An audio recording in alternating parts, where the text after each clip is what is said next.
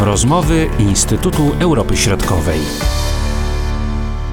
Witamy Państwa ponownie w rozmowach Instytutu Europy Środkowej. Marcin Superczyński i Dominik Hej. Witam Cię, Dominiku. Dzień dobry, witam Państwa i witam Ciebie. Rozmawiamy o Węgrzech, a dokładnie o narodowych konsultacjach, które niedawno się zakończyły. No i mamy wyniki tych właśnie e, konsultacji. Spośród 9,7 miliona Węgrów niespełna 1 400 tysięcy wzięło udział właśnie w tych e, konsultacjach i zdecydowana większość, bo 97% e, opowiedziała się przeciwko sankcjom Unii Europejskiej wobec Rosji. Jak należy interpretować ten wynik i tą właśnie frekwencję? To zaczynając e, w zasadzie już nie wiem, czy od początku, czy od końca odpowiadając na to pytanie, ale spróbujmy to osadzić w realiach, dlatego że informacja dotycząca tego, że 97% Węgrów jest przeciwko unijnym sankcjom, gdzieś bardzo szeroko była komentowana w, nie tylko w Polsce z naturalnych względów, ale też w ogóle szerzej w Europie. I można by było odnieść wrażenie, że to jest nieprawdopodobnie wysoki wynik. Natomiast jest tak, że, co chciałeś wskazać, Węgrów jest 9 milionów z hakiem, czekamy na wyniki wciąż danych dotyczących spisu powszechnego, który na Węgrzech odbył się później niż w innych państwach Europy. Natomiast mm, mamy 8 milionów, mniej więcej 100 tysięcy uprawnionych do głosowania. Jeżeli sobie teraz przeliczymy, że 1,4 miliona, i to niespełna, wzięło w nich udział, to znaczy, że łącznie, kiedy się odliczy wszystko, to frekwencja wyniosła tam 17% z niedużym okładem. I teraz z grupy tej, 17% z niedużym okładem, 97% jest przeciwko sankcjom. Kto bierze udział w, sank- w, w, tych, w tej inicjatywie i w zasadzie o co z nią chodzi? E, narodowe konsultacje to jest taki pomysł Fidesu, który zrodził się E, kiedy jeszcze ta partia była w czasie mm, swojego bytowania w opozycji, czyli przed 2010 roku, rokiem, dokładnie 2006-2008. Wówczas to się kreowało, wówczas powstawała taka inicjatywa związana z tym, że według Fidesu i Viktora Orbana było za mało bezpośredniej demokracji na Węgrzech. I w 2010 roku, już wtedy, kiedy Fidesz objął władzę, no to organizowano tych referendów korespondencyjnych, bo takie określam, całkiem sporo, bo ta edycja, która dotyczyła obecnie energetyki, to jest dwunasta łącznie. I nie jest to dalece e, to ten plebiscyt, który cieszył się najwyższą frekwencją.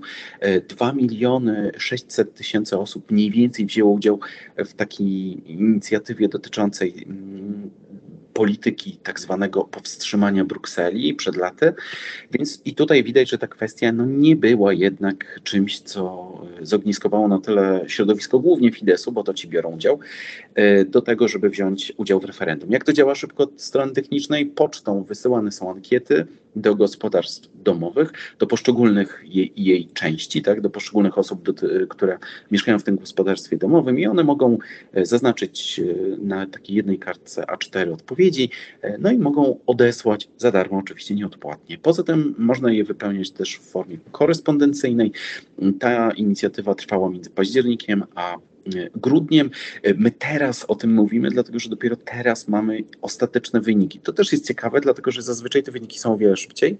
E, natomiast myślę, że wiąże się to z tym, że czego ja już nie ująłem w, w, w komentarzu, który się pojawił na stronie, e, pojawiła się kampania outdoorowa, więc my rozmawiamy już wtedy, kiedy ona jest, gdzie znowu za mm, no, kilka milionów pewnie euro e, pojawia się ta informacja, że 97% Węgrów nie chce sankcji, no i że oni mają e, być usłyszani w Brukseli, bo to jest jedna z podstawowych kwestii, która się od razu pojawiła na początku bieżącego roku. Czy Komisja Europejska w swojej polityce uwzględni ten głos? No i rzecznik Komisji Europejskiej powiedział, że nie.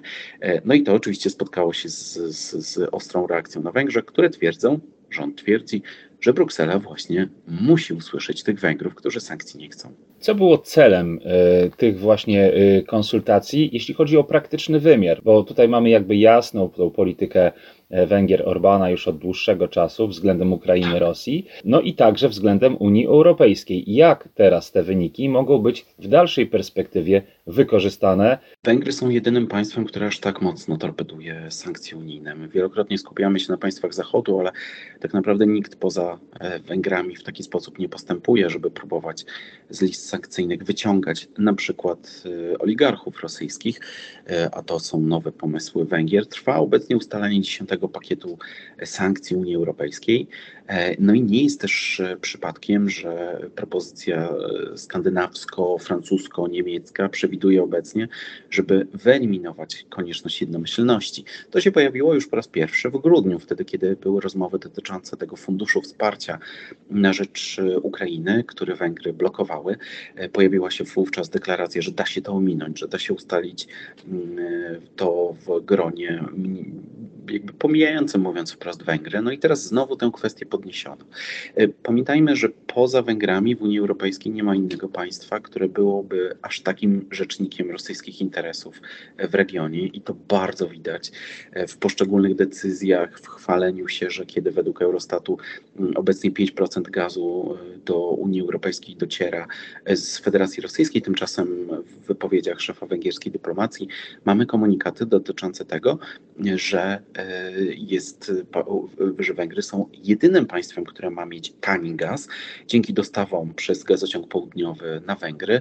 Później dziennikarze śledczy, żeby to już w ogóle skomplikować, mówią o tym, jak bardzo niekonkurencyjne są te mm, kontrakty, to ile Węgrzy płacą za ten gaz, no ale reasumując, nie mam wątpliwości, że te narodowe konsultacje były wymyślone po to, żeby legitymować dalej działanie rządu. To znaczy po to, Viktor Orban już kiedyś zrobił tak, że wziął pudła z narodowymi konsultacjami, poleciał do Brukseli, postawił je na biurku i powiedział, że to jest wola e, Węgrów. I teraz myślę, że będzie to tak samo e, czynione, tylko że z tą różnicą, że wówczas e, jednomyślność była no, dogmatem. Teraz po części przez Węgry.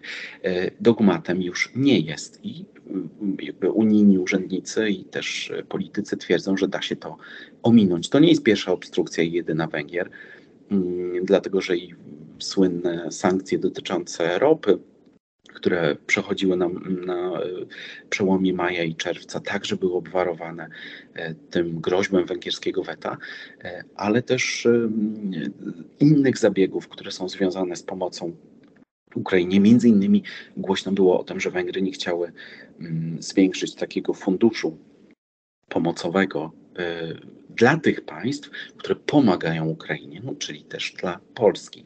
E, pomagają oczywiście w, między innymi poprzez przekazywanie broni.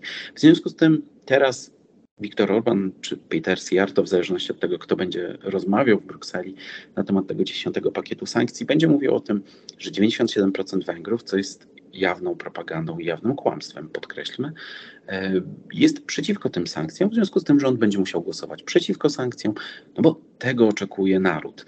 Natomiast sama konstrukcja tych pytań, jako ciekawostkę można wspomnieć, w których od razu podprowadzało się odpowiedź, która w ogóle była nieprawdą, żeby e, przytoczyć taki przykład, tam była mowa o tym, że e, sankcje dotyczące ropy naftowej doprowadzą do sytuacji, w której zabraknie ropy no to proszę Państwa, nie zdążono wprowadzić jeszcze tych sankcji w takiej skali, żeby na Węgrzech ropy już nie było.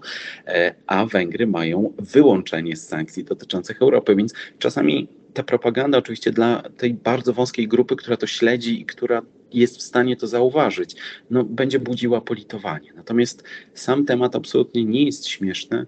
E, no i też pokazuje coś, o czym my wiemy, to znaczy o nieustępliwej prorosyjskości węgierskiego rządu, e, która ma się chronić za chęcią ochrony węgierskiej mniejszości, która żyje w obwodzie zakarpackim. A y, czy posiadamy wiarygodne dane mówiące o tym, jakie jest rzeczywiste poparcie e, Węgier dla takich, a nie innych działań Rosji? Czy ten sprzeciw wobec dalszych sankcji. No bo to, co mówisz, to jest jakby jasne, prawda? Tutaj to referendum y, i te wielkości, y, no trudno je rozciągnąć na y, wszystkich obywateli państwa węgierskiego. Powiem w ten sposób, bo taka debata też toczyła się w mediach społecznościowych mi jest bliższa ta wersja, w której niewątpliwie, oczywiście to nie jest 97% Węgrów, którzy nie chcą sankcji, ale to też nie jest jak w Polsce, żeby większość obywateli była w stanie zrozumieć, dlaczego one są potrzebne. Jeżeli weźmiemy pod uwagę, jaki jest obraz Ukrainy w węgierskich mediach, co byłoby tematem na w ogóle odrębne, bardzo długie spotkanie i opowieść, które zostały uwzględnione w takiej małej publikacji, która się ukazała w ubiegłym roku, dotycząca pierwszego polityki Węgier wobec pierwszego półrocza wojny na Ukrainie, gdzie opisane jest, w jaki sposób właśnie pokazuje się tę Ukrainę. Ja dla tego, żeby jakby maksymalnie przyspieszyć, tudzież pokazać obecnie ten temat. E, obrazy z Dnipra i z tego domu, który został e, bestialsko zbombardowany przez stronę rosyjską, pokazywane były niemal wszędzie. Niemal wszędzie, ale niespecjalnie na Węgrzech. W związku z tym, jeżeli nie widzi się materiałów, nie widzi się reportaży z Ukrainy, nie widzi się opowieści ludzi, którzy e, cierpią z powodu rosyjskiego ostrzału, no to nie ma się poczucia solidarności. Jeżeli nie ma się poczucia solidarności, e, to wiąże się to też z dużo mniejszą akceptacją dla sytuacji, w której płaci się za coś więcej w imię Solidarności. Tak? Czyli my płacimy na stacjach benzynowych więcej, e, za gaz więcej, ale to jest koszt y, też niepodległości, o której wielokrotnie mówił e, minister i ambasador w Kijowie Polski e, Bartosz Cichocki, że może i benzyna jest droga, ale przynajmniej jest. I to było jedno z podstawowych wypowiedzi, które pojawiały się już na początku tej wojny i która mi też przyświecała, kiedy patrzyłem na Węgry. Natomiast nie mam wątpliwości, że większość Węgrów nie rozumie, po co te sankcje są, nie widzi e, korelacji między osłabieniem Rosji, a wprowadzeniem e, sankcji. Zresztą węgierski rząd e, zachowuje się jak ta grupa ludzi, która uważa, że sankcje powinny działać następnego dnia, co jakby z łańcucha ekonomii jest niewykonalne. Natomiast węgierski rząd zamiast tłumaczyć, że trzeba poczekać i pokazać na przykład, jaka jest skuteczność tych sankcji, no to absolutnie tego nie robi. W związku z tym też ta grupa odbiorców, która nie rozumie otaczającej rzeczywistości, w tym ekonomii, e, nie jest w stanie zrozumieć, że musi czekać, żeby zobaczyć efekty. No więc, żeby to podsumować tę wypowiedź, Viktor Orban już e, we wrześniu mówił, że e, Rosja nigdy nie upadnie, że ma nieograniczone zasoby finansowe, zbrojne, co jest nieprawdą, o czym my wiemy. Natomiast to jest ten przekaz, który mm, do węgierskich głów, bez względu na to, jakiej są one orientacji politycznej, jest wtłaczane. To mało optymistyczny obraz tej rzeczywistości węgierskiej, a co możesz powiedzieć o tej, tej dalszej przyszłości? No bo bliższa specjalnie się nie zmieni. Czy tutaj są jakieś szanse na zmianę tego nastawienia, tej, prowadzenia tej polityki, czy nie ma żadnych przesłanek na razie? Nie ma i nie będzie, moim zdaniem, żadnych przesłanek dlatego że nic y, na to nie wskazuje. Jedyny moment, w którym dało się zmienić tę politykę, to był 24 lutego. Można było się unisamo, usamodzielnić, przepraszam, od Federacji Rosyjskiej, od jej wpływów, dołączyć do państw, które chcą pomagać, dołączyć do transformacji, dostać pieniądze na tą transformację, rozbudowywać interkonektory, y, pozyskiwać y, złoża z innych kierunków. Ja już pomijam, że jest w Chorwacji LNG, i terminal e, Krk, ale gdyby nie stamtąd, gdyby jakieś niesnaski między firmą MOL a INA to uniemożliwiły, no to mamy interkonektor polsko-słowacki, słowacko-węgierski, dałoby się to zrobić od strony Świnoujścia. Są możliwości, tylko trzeba do nich sięgnąć.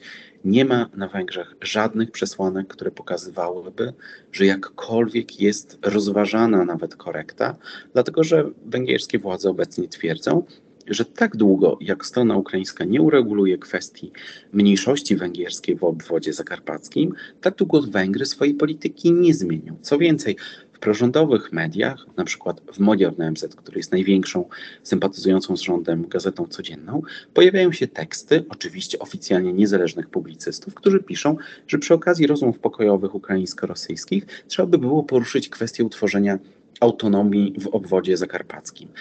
To przypomina mi 2014 rok, kiedy Ukraina zmagała się z, z, z, wojną i atakiem na Donbas, kiedy Viktor Orban tezy dotyczące tworzenia autonomii, które zbulwersowały też polityków w Polsce, tworzył przed e, węgierskim zgromadzeniem krajowym. To się teraz powtarza, tylko już nie na poziomie premiera czy szefa dyplomacji, ale formalnie niezależnych postaci, których jednak poglądy są całkowicie zbieżne z tym, jaką linię przyjmuje Fidesz KDNP. Bardzo dziękuję za ten komentarz i za tę analizę. Bardzo dziękuję. Do usłyszenia. Były to rozmowy Instytutu Europy Środkowej.